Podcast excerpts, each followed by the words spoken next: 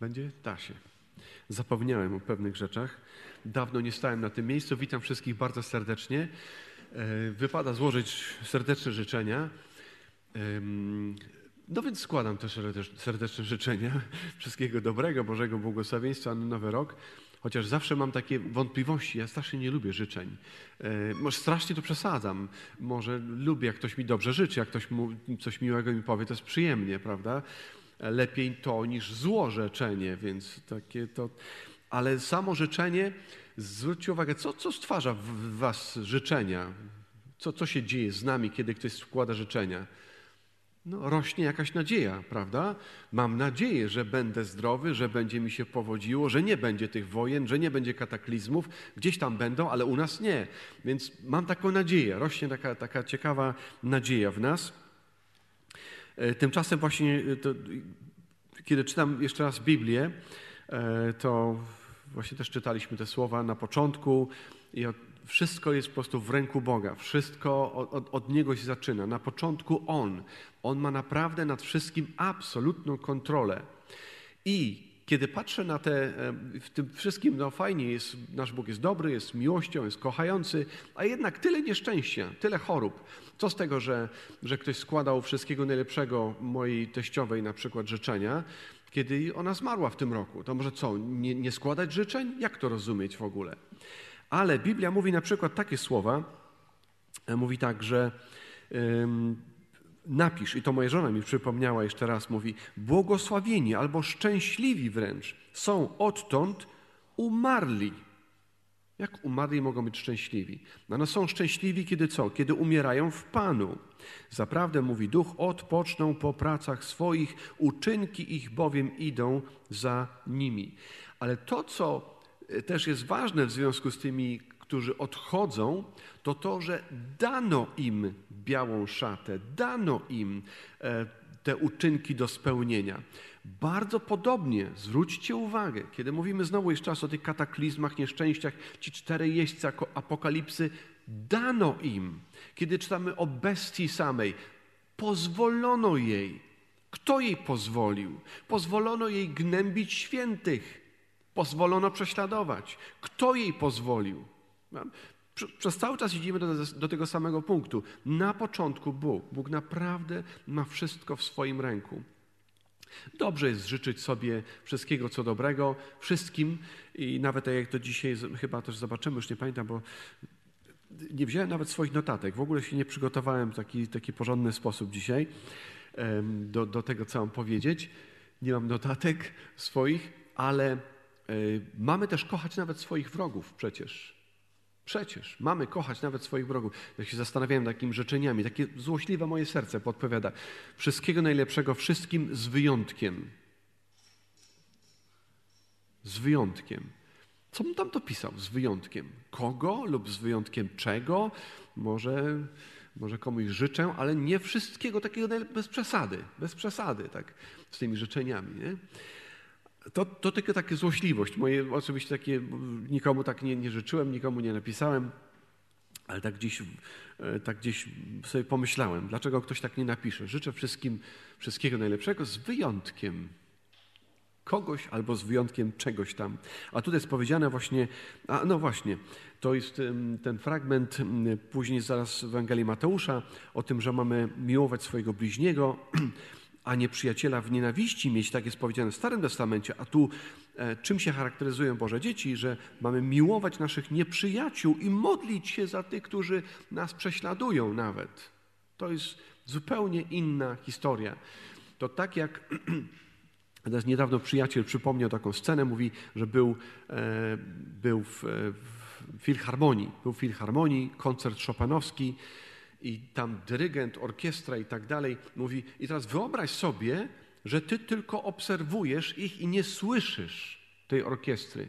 Machają i może, jeżeli ci się podoba choreografia, że oni machają, ruszają się rękami, ktoś tam wstaje i tak dalej, coś, coś, może to się komuś podobać, ale nie na tym polega orkiestra.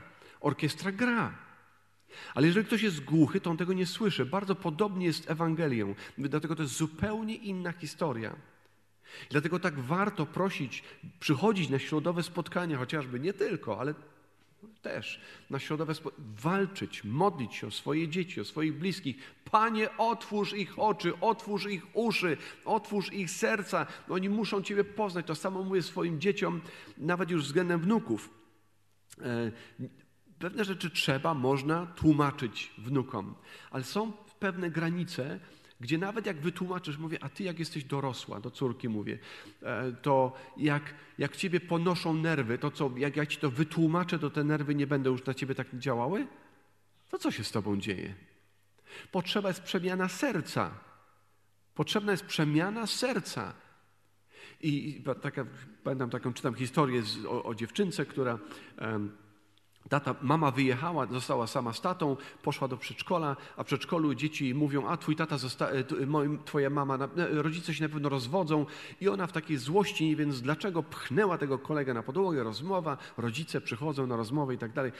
I mają świetną okazję, rozmawiając z wnuczką swoją, tą swoją pięcio i pięć półletnią, mówię, widzisz, bo tu chodzi o serce, tu chodzi o przemianę serduszka. Musi Twoje serduszko być oddane Panu Jezusowi, bo tylko On może mieć nad nim kontrolę. My czasami nie wiemy, dlaczego tak się zachowujemy, nawet my dorośli. Potrzebujemy kogoś, kto by przemienił nasze serca, nasze chcenia, nasze pragnienia, żeby szły w Jego kierunku. Tak jak ten psalm 31, który czytaliśmy wcześniej, też 25, bardzo podobnie mówił, bardzo często o zawstydzeniu. Jeżeli mówię o nadziei, prawda, każdy, każdy z nas żywi nadzieję, że to, co ja teraz zrobię, to, co sobie wymyśliłem na życie, to jak ja myślę o życiu, o swoim talencie, o powodzeniu, pieniądzach, czymkolwiek, to to nie przyniesie mi wstydu. Zgadzamy się z tym? Prawda? Mam nadzieję, że to, jak ja sobie myślę o swoim życiu, że to nie zawiedzie mnie. Moja praca, moje wysiłki, to, co postanowiłem, to nie, nie przyniesie mi wstydu i nie zawiedzie mnie. Każdy z nas ma taką nadzieję i to nie tylko na nowy rok, na każdy dzień naszego życia. Wstaję, mam nadzieję, że to, co robię, to nie przyniesie mi wstydu. Ale pytanie pierwsze jest takie: kto jest największym prorokiem Starego Testamentu? Wracam do swojego tekstu. Kto jest największym prorokiem Starego Testamentu? Kto taki? Izajasz. Kto da więcej? Kto mówi Jan? Kto powiedział Jan? Ktoś powiedział Jan. Tak, Jan Chrzciciel był oczywiście największym prorokiem Starego Testamentu, ale jak to, pastorze? Przecież w Nowym Testamencie on występuje. No tak, ale on jest prorokiem Starego Testamentu. I sam Pan Jezus to stwierdza o nim i mówi, że on był największym prorokiem, największym człowiekiem, jaki się urodził w ogóle z kobiety. Największym człowiekiem, jaki się urodził z kobiety. I to trzeba sobie uświadomić, to trzeba powiedzieć, e, gdzieś to musi w nas wsiąknąć. Przez długi czas to Jan był znany. Jan był kimś. Jan miał, e, był znany na tyle, że nawet król Herod bał się go i słuchał go i tak dalej. A o Jezusie nie wiedziano specjalnie za dużo. Jezus jeszcze gdzieś tam pozostawał w cieniu. Także Jan był kimś, był wielkim, był bardzo szczególny. Niektórzy mówią, a był jakimś Eseńczykiem, jakimś tam, kimś na, na pustyni, do jakiejś grupy się przyłączył. To nie jest tylko to. To nie jest tylko to. Miał absolutnie unikalne, szczególne powołanie od Boga do tego, żeby przygotować drogę Panu, żeby przygotować drogę dla Mesjasza. Pytanie, które mam tam takie pomocnicze w związku z tym całym naszym e, tematem, czy Janem Chrzcicielem, który chciałbym, żebyśmy mieli go przed oczami, to jest takie, ile muszę rozumieć, żeby zaufać. Ile muszę wiedzieć, żeby zaufać. Zwróćcie uwagę, to samo dotyczy, czy mówi, myślisz o pracy przyszłej, czy myślisz o jakiejś tam kupnie, sprzedaży, czegokolwiek. Musisz coś wiedzieć, prawda? Ja chcę wiedzieć jak najwięcej. Czy to jest samochód na przykład? Chcę wiedzieć jak najwięcej, tak? bo muszę mu zaufać tej, tej, tej, tej rzeczy. To samo dotyczy osób, tym bardziej dotyczy to osób. A o ileż bardziej będzie to dotyczyło Boga. Czy ufasz mu? Ale uwaga tutaj, Powtarzam to dosyć często, tą uwagę. Nam się wszystkim wydaje, że my to Pana Boga to już znamy. Kiedyś to byliśmy gdzieś tam w świecie, może w jakimś innym wyznaniu, ale teraz to już jesteśmy we właściwym miejscu, my już wszystko wiemy i jest wszystko ok. Na pewno? Mówię o największym proroku Starego Testamentu, Janie Chrzcicielu, i zobaczymy, jakie on miał problemy też i z czym on się musiał sam zmierzyć. Więc jeżeli on to przechodził, czy nas to nie może spotkać? Więc musimy być przygotowani i musimy wiedzieć, komu ufamy. Wtrącenie małe. Mateusza, szósty rozdział. To jest takie małe wtrącenie. Um, za dużo czytam Biblii, to dlatego jest. Może tak być? To by dziwnie brzmiało, nie? Szósty rozdział. Ewangelii Mateusza to jest oczywiście piąty, szósty i siódmy rozdział, to jest to, to jest to jakby orędzie Pana Jezusa, orędzie Królestwa Bożego, można powiedzieć. To jest, kiedy on opowiada właściwie o tym, jak będzie, jak będzie wyglądał Jego lud.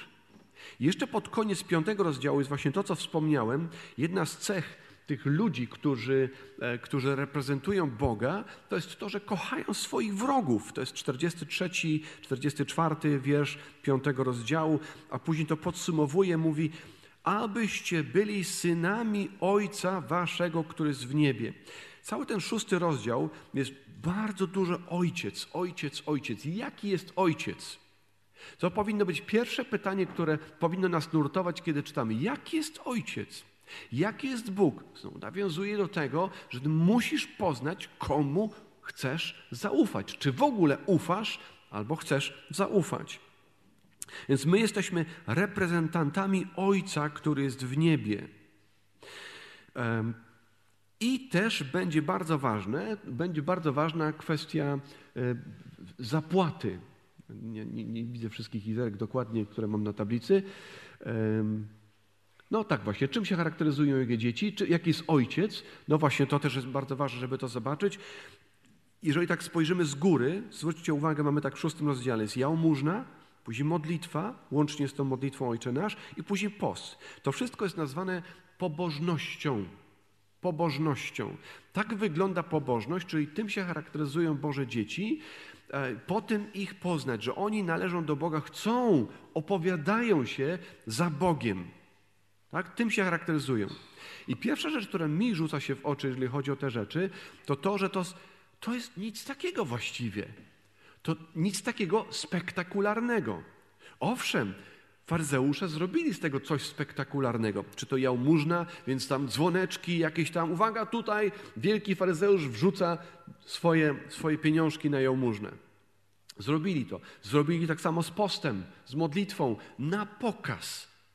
A w tym wszystkim Jezus przedstawia i ojciec widzi rzeczy w ukryciu.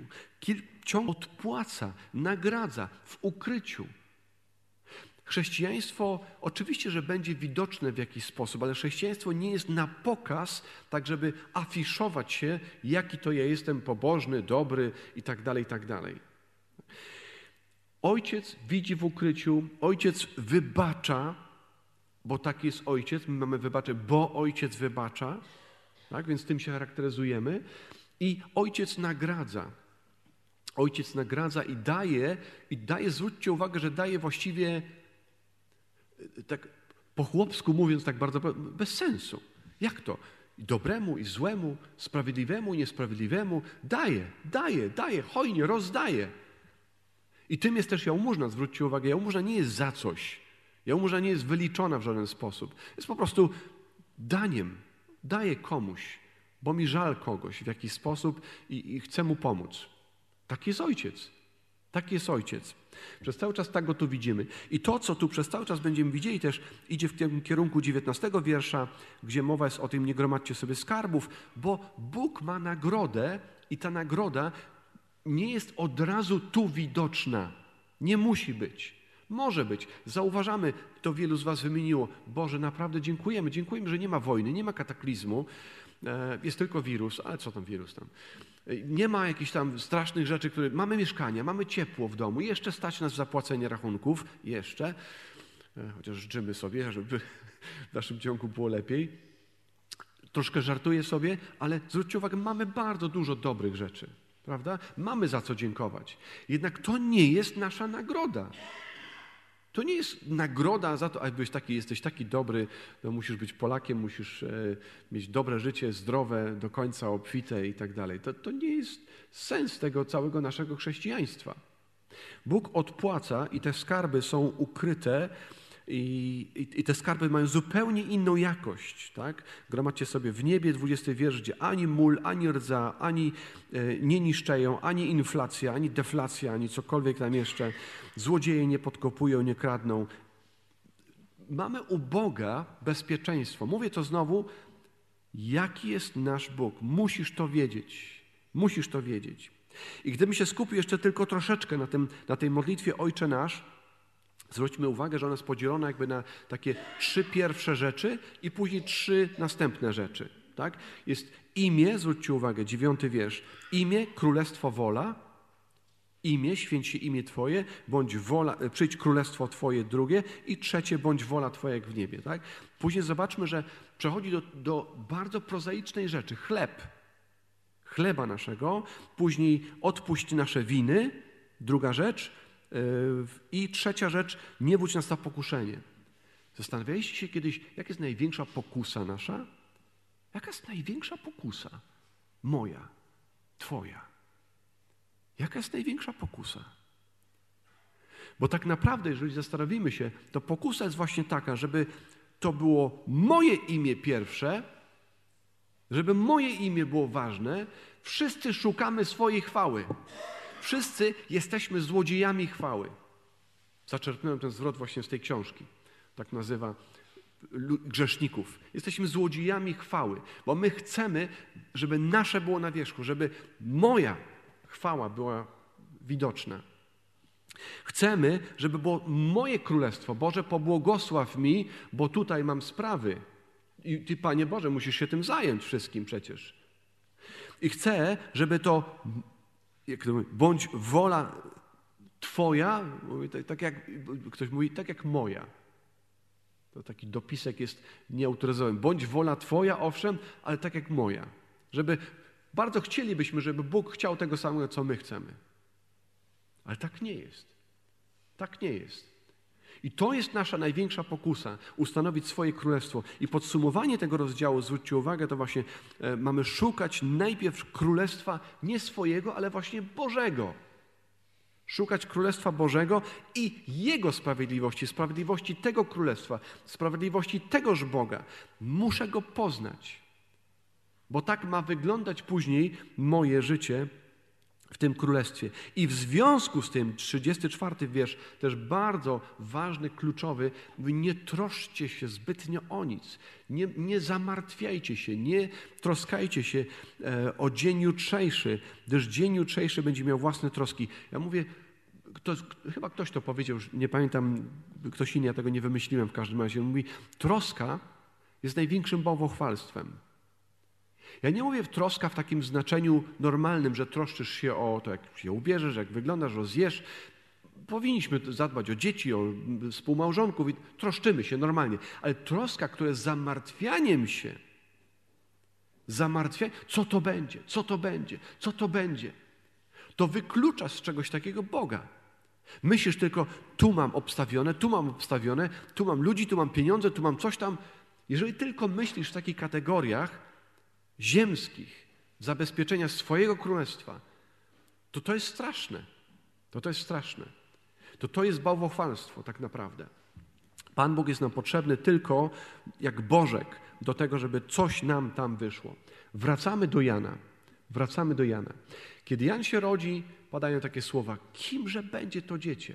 Kimże będzie to dziecię? Pamiętamy, e, to była bezpłodna para, już starsi ludzie w starszym wieku, Zachariasz, Elżbieta, nie mogli się doczekać potomstwa.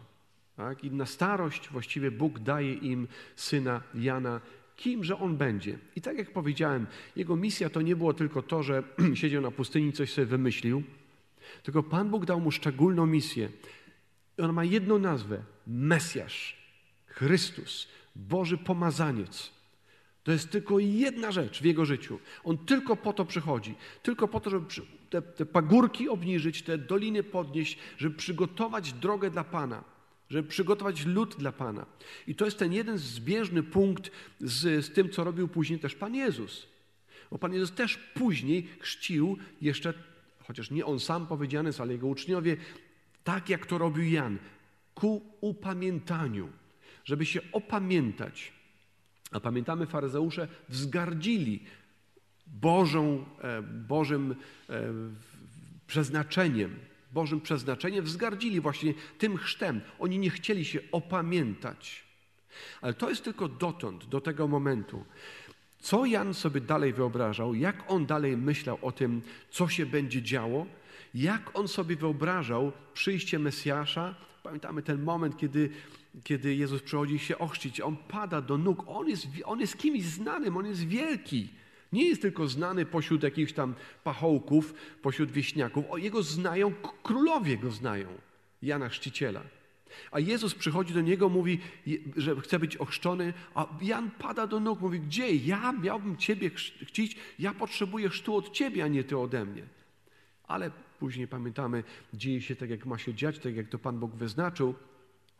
I Jan Chrzciciel bardzo wyraźnie widzi, to jest to. Zobaczyłem gołębicę, to jest, usłyszał ten głos. To jest właśnie ten pomazaniec. Więc miał to wszystko potwierdzone, widział to bardzo wyraźnie. Mówi: Ja nie jestem godzien, żeby być nawet jego sługą, niewolnikiem, żeby zawiązywać mu buty. Ja nie, nawet tego nie jestem godzien, żeby blisko przy nim być. Ale to w pięknych słowach mu wypowiada się później, mówi, ale cieszę się tak jak przyjaciel oblubieńca. Widzę, widzę, że to jest ten właśnie, który miał przyjść. Ale, ale.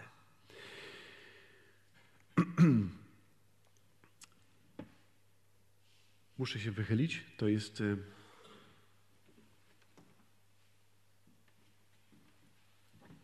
tak, dobrze. Patrzę, czy na pewno to jest 17 wiersz, tak? Czy, czy...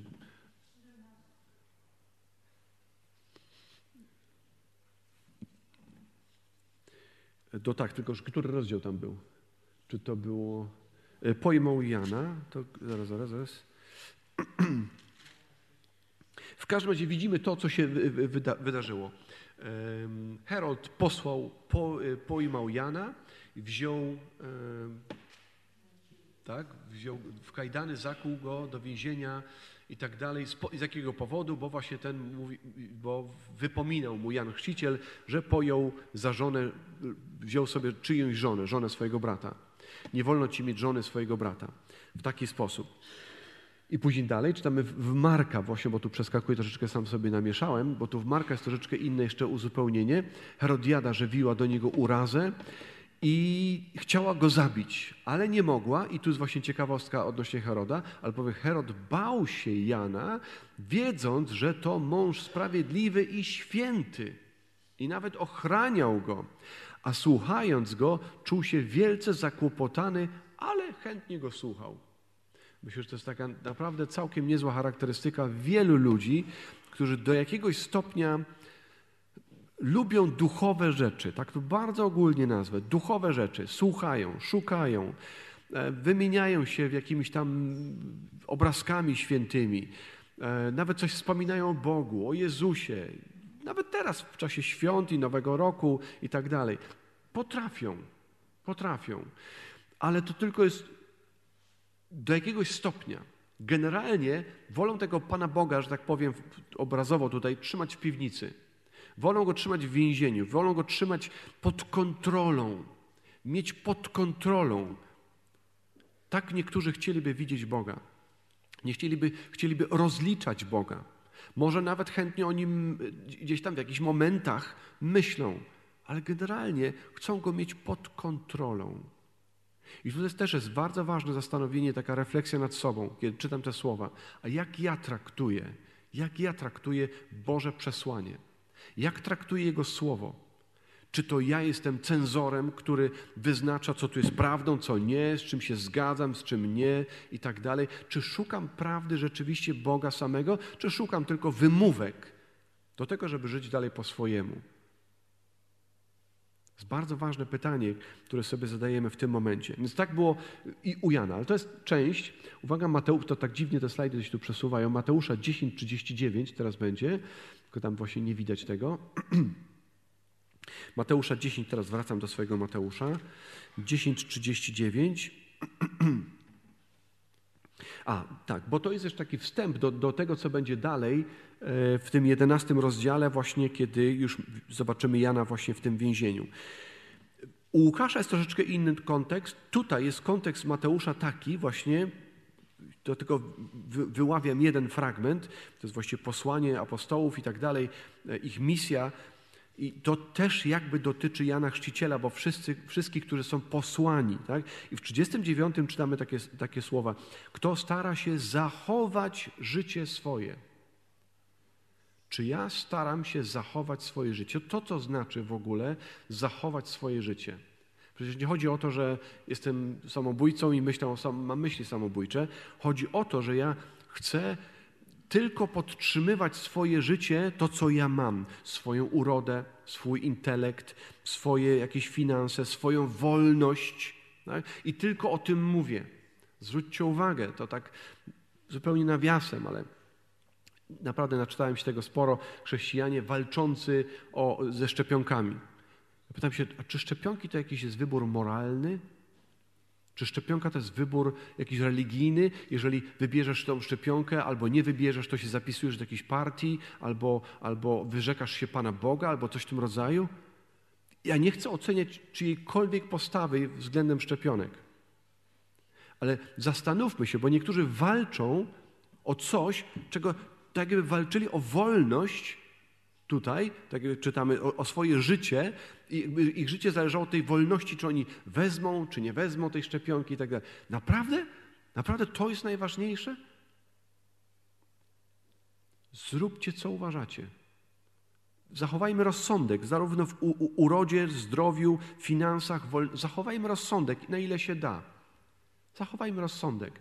Ale jeżeli te rzeczy stanowią o moim życiu, sensie mojego życia, wartości mojego życia, to coś jest nie tak. To coś jest nie tak.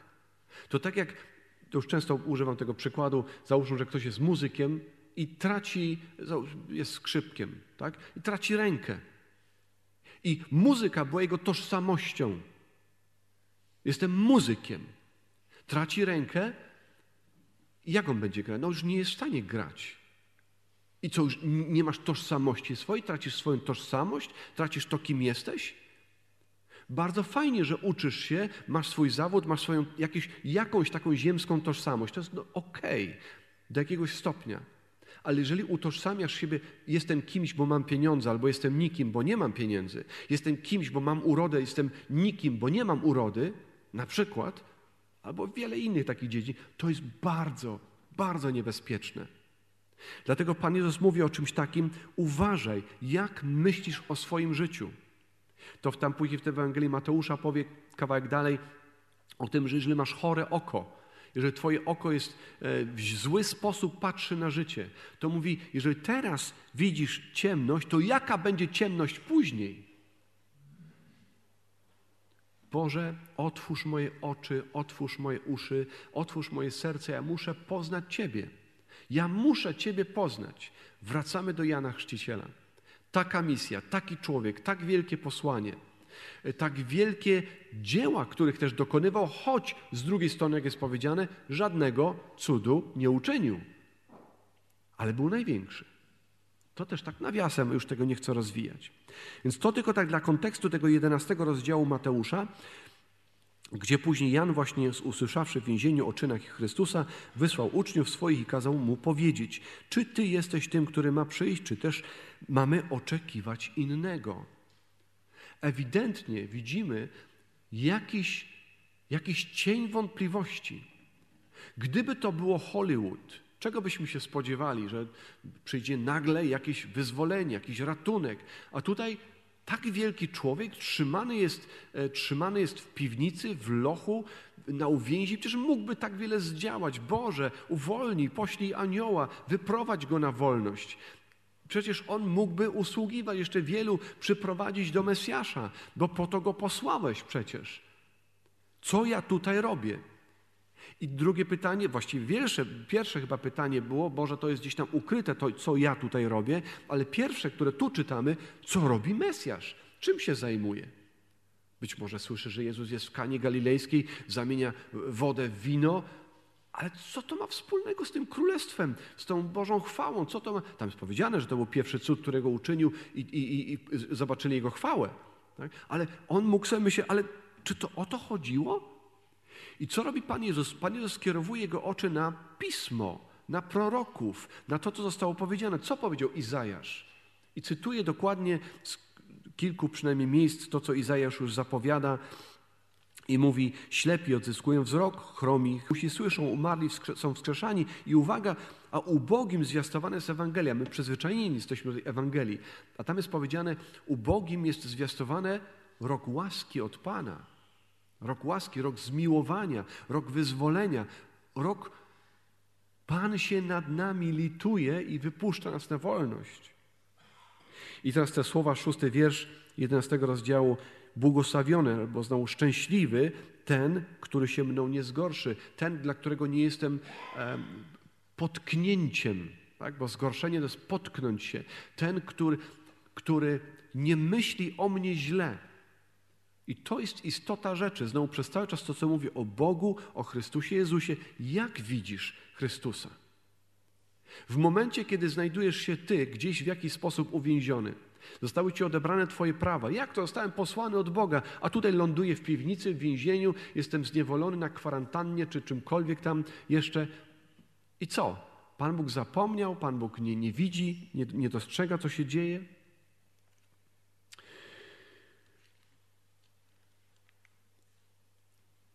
To jest ten fragment, który czytaliśmy.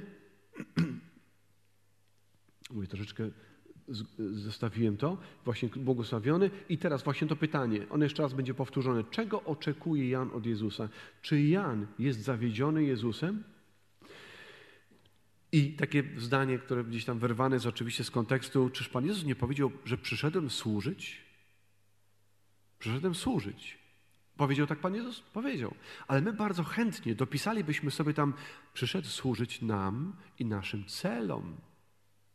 Owszem, przyszedł służyć nam, w tym sensie przyszedł położyć swoje życie, przelać krew swoją za nas, uwolnić nas od grzechu, uwolnić nas od więzów diabła, uwolnić nas od tego świata, który ciągle nas mami i, i czaruje swoim bogactwem i tym, co jeszcze tu możemy osiągnąć. Ale nie przyszedł służyć naszym celom. I to jest kolosalna różnica jeżeli się nad tym zastanowimy, my często gdzieś tam mieszamy i nie zauważamy. To, co mówiłem z Ewangelii Mateusza, chętnie byśmy zamienili. Niech święci się moje imię, moje królestwo, moja wola. Chętnie byśmy to zamienili. I Jan widać, coś w nim jest. Co, co, czego, mógł się czego mógł oczekiwać? Względem siebie, względem w ogóle politycznym Jezus już powinien rządzić, powinien wyrzucić wrogów, powinno zapanować cudowne, wspaniałe królestwo Mesjasza. Po to przyszedłem, miałem to zapowiedzieć, przygotowałem ludzi. Co się dzieje? Co się dzieje? Co się dzieje? I my również, każdy z nas może mieć taki moment, choćbyś był tak wielki jak, jak ten największy prorok Starego Testamentu, możesz mieć taki moment w swoim życiu. Co się dzieje w moim, w moim życiu? Przypowieści Salomona 19:21 wiele jest zamysłów w sercu człowieka, lecz dzieje się wola Pana. Cytujemy to, nieraz powtarzamy, jako często występuje taki mem gdzieś tam, e, pojawia się, ale to nie jest taki najbardziej ulubiony werset. Tak? Wolimy to o miłości, o szczęściu i tak dalej. A ten werset właśnie mówi, dzieje się wola Pana. Możesz mieć swoje pomysły, Dobrze, miej, to nie jest nic złego. Tylko uważaj, żeby Twoje pomysły na życie nie stały się Twoim królestwem, Twoją wolą i żeby Twoje imię nie musiało być na pierwszym miejscu. Rzymian 8:28. Kończymy to rozważanie. Przypominam y, jeszcze raz ten fragment, który jest tak bardzo lubiany i też chyba powtarzany przez nas. Rzymian 8:28. Jest to Rzymian, ósmy rozdział. A wiemy, że Bóg współdziała we wszystkim ku dobremu. We wszystkim ku dobremu. To nie znaczy, że Bóg każdą sytuację e, sprawi tak, że będzie dobrze po naszemu.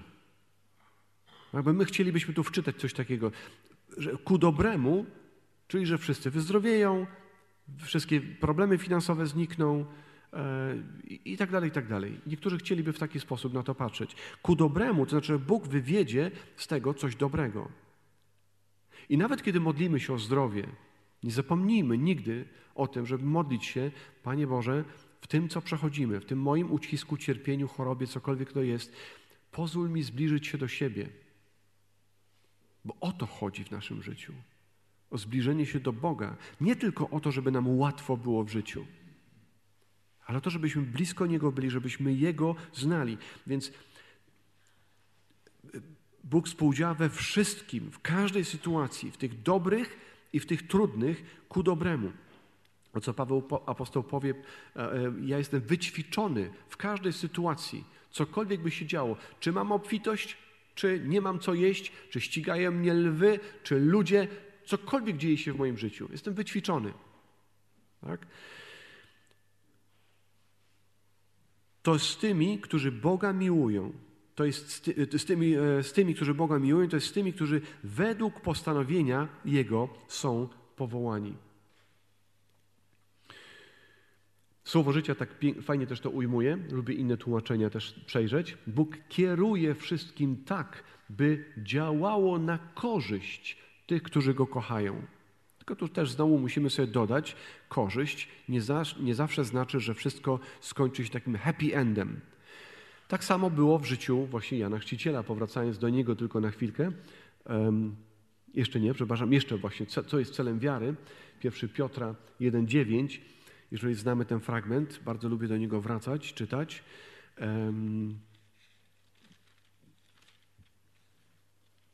Jakuba Piotra 1,9. Osiągając cel wiary, jaki jest cel wiary? Tak mówi wcześniej, tego miłujecie, chociaż go nie widzieliście, wierzycie w niego, chociaż go nie widzicie, weselicie się radością niewysłowioną i chwalebną, ale wcześniej też mówi, że jesteśmy Y, no, nasza wiara musi być wypróbowana, żeby się okazała cenniejsza niż znikome złoto w ogniu wypróbowane ku chwale i czci i sławie, gdy się objawi Jezus Chrystus. I teraz w tym dziewiątym wierszu mówi, i w ten sposób osiągamy cel wiary. Jaki jest cel wiary? No właśnie, zbawienie duszy. To jest to, co ostatnio tam jest wypisane. Ostatnie, zbawienie duszy. Ponieważ my chcielibyśmy tam e, widzieć różne rzeczy. Tak jak powiedziałem, mamy swoje cele, które chcielibyśmy, żeby Pan Bóg zrealizował. Ale nawet jeżeli, patrzcie, tam jest takie stwierdzenie zbawienie świata, Pan Bóg e, chce zbawić cały świat. Jeżeli powiem w taki sposób, Pan Bóg chce zbawić cały świat, to albo muszę dojść do wniosku, że chce, ale nie potrafi, tak? albo ludzka wola jest większa niż Jego wola. To jest herezja. Uważajmy z tym. Bóg przyszedł zbawić tych, którzy są wybrani od, przed założeniem świata. Przyszedł zbawić tych, którzy należą do Niego. Do tych, którzy słyszą ten głos orkiestry, słyszą tą melodię, którą On wygrywa. Bo inni grają do tego, co gra ten świat. Diabeł gra na swoich skrzypcach i prowadzi te wszystkie szczury i myszy na swoją, na swoją zagładę. I oni słyszą głos tego świata. Dla nich Ewangelia jest smrodem. Ale dla nas, dla nas Ewangelia jest wonnością. Wonnością. To jest coś pięknego. Więc uważajmy z tym i tak samo, no właśnie, czy to jest mój cel, czy to jest spełnienie moich życzeń. Bóg nie jest od spełnienia naszych życzeń. Tak? Ale, ale dobrze sobie życzmy. Dobrze sobie życzmy. Wracając do Jana. A, to jeszcze, jeszcze nie jest Jan. Bo no, okej, okay, to jest hasło, główne hasło, które można sobie zapisać, myślę, że jest ważne. Nie musisz, ja mówię do siebie tak samo, nie muszę rozumieć wszystkiego, żeby Bogu ufać. Nie muszę rozumieć wszystkiego. Bo wracając do Jana, to Jan pamiętamy, jak to się skończyło, i to też jest takie tak napisane, jak to powiedzieć, tak. Ach, Chciałoby się, żeby było tam więcej, właśnie, żeby to było takie Hollywood, żeby pojawił się jakiś anioł z tego więzienia, żeby coś się działo, a tam nie, po prostu ta córka Herodiady zatańczyła, Herod w przypływie głupoty i pijaństwa pewnie powiedział, cokolwiek sobie zażyczysz, ona nie wiedziała co, powiedziała, zapytała mamusi, mamusia mówi, a głowę Jana, a głowę Jana poproszę na misie tutaj. I tak no, Herod posłał, kat ściął, przyniósł. Już i to wszystko? Największy człowiek, największy prorok Starego Testamentu i największy człowiek, tak jak to mówi Pan Jezus? Tak o, koniec wszystkiego? Ścięty? Ale to jak czytałem na samym początku, błogosławieni, szczęśliwi są ci, którzy w Panu umierają. To nie jest katastrofa. Tak napisałem też po tym nabożeństwie pożegnalnym naszej e, właśnie babci Marysi, tak mówię teściowej, ale tak ładniej brzmi babci Marysi. Mówi, no jesteśmy zasmuceni, zasmuceni, ale nie zrozpaczeni. To jest smutne, ale to nie jest rozpacz. To śmierć nie jest kropką, jak to powiedział pastor, tylko przecinkiem. To jest tylko przecinek. Pytanie jest, co dalej? Jaką masz nadzieję na dalej? Jaką masz nadzieję na dalej? Potem. To jest bardzo ważne, o wiele ważniejsze niż jakiekolwiek życzenia na ten rok. Czy będzie zaraza, czy będą wojny, cokolwiek by się działo. Nic nie jest w stanie nas zatrzymać od Bożej miłości. Nic nie jest nam w stanie tego okraść nas z tego. Tak, tu jest właśnie ten fragment, ale to już nie będziemy tego czytali. E, to jest właśnie ten koniec. I tylko ostatni jeszcze wiersz, to jest ostatni z e, listu do Rzymian, piąty rozdział, piąty wiersz. Bardzo go lubię. Nadzieja. Jaka jest moja... List do Rzymian, jeszcze otworzę to, list do Rzymian, piąty rozdział. Usprawiedliwieni to jest z wiary, pokój mamy z Bogiem przez Pana naszego Jezusa Chrystusa. Dzięki Niemu też mamy dostęp. Przez co? Przez wiarę. Do czego? Do łaski, w której stoimy. Napisałem bratu właśnie e, e, Marcinowi, bo wspomnieliśmy o urodzinach brata Marcina, napisałem mu, e, najszybciej idzie się do przodu, jak się stoi. W łasce. Najszybciej się rozwijamy, kiedy stoimy. W łasce. Trwamy w łasce. Jeżeli życie moje jest naznaczone łaską, to to, co mam, to kim jestem, to jest tylko i wyłącznie Boża łaska. To nie jest zasługa życzeń moich czy kogokolwiek innego w stosunku do mnie. Moja mama i tata mogą mi bardzo dobrze życzyć, ale te życzenia to, to są fajne życzenia, ale one nie mają mocy sprawczej. Tylko to, kiedy jest w moim życiu Bóg, tylko w to, kiedy stoimy w łasce, tylko wtedy idziemy. Mówi, i chlubimy się nadzieją chwały Bożej. A nie tylko to, chlubimy się też z ucisków wiedząc, że ten ucisk wywołuje cierpliwość. Cierpliwość zaś doświadczenie, doświadczenie nadzieję. A nadzieja, ta nadzieja nie zawodzi, albo inaczej nie przynosi wstydu. Więc jaka jest Twoja nadzieja? Czy Twoja nadzieja przyniesie Ci w obciach? wstyd, pohańbienie, oddalenie od Bożego oblicza na wieki? Czy Twoja nadzieja to jest właśnie Chrystus i choćby nie wiem co, choćby mi wyrwali wszystko, co mam w moim życiu, pozbawili mnie wszystkiego, Chrystus jest moją chwałą, moją nadzieją, bo miłość Boża rozlana jest w sercach naszych, bo ta muzyka Boża jest rozlana w sercach naszych przez Ducha Świętego, który nam jest dany. Amen. Powstańmy.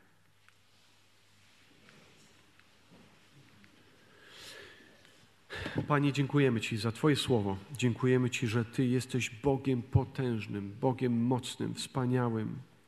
Panie, jeżeli nie Ty, to nikt nie jest w stanie zatrzymać szaleństwa tego świata, szaleństwa e, szatana diabła, który idzie na samo zagładę i chce pociągnąć za sobą ilu tylko się da.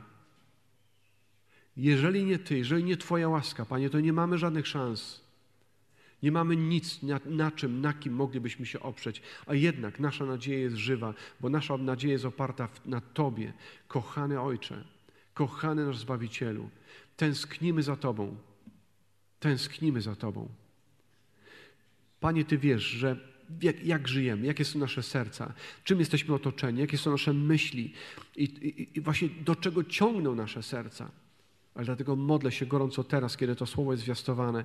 Przemawiaj, Panie, otwórz, otwórz uszy młodych i starych na Twoje słowo, żeby usłyszeli tą melodię, którą Ty wygrywasz, żeby poszli za Tobą, żeby nie szli za światem, otępiali, ogłupieni, oślepieni tym, tą niby chwałą, która pewnego dnia legnie totalnie, całkowicie w gruzach.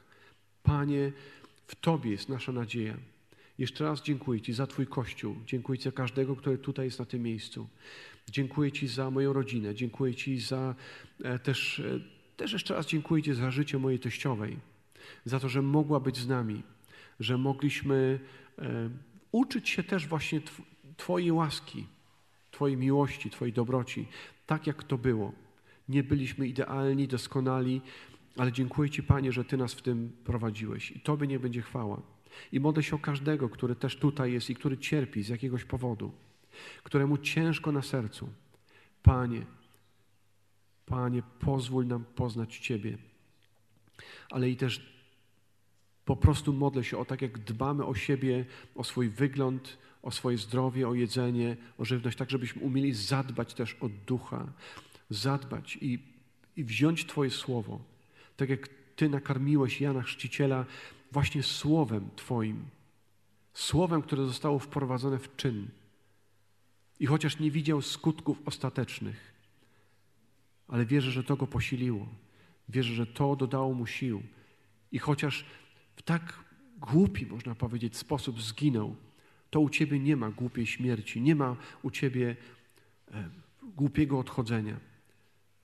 Twoje dzieci są szczęśliwe, Twoje dzieci są bezpieczne, Twoje dzieci są zachowane przez Ciebie na to drugie zmartwychwstanie. Będziemy mieli udział w Twoim zmartwychwstaniu, Panie. Dziękujemy Ci za to, uwielbiamy Cię, wywyższamy. Prowadź nas, Ojcze, w imieniu Jezusa. Amen.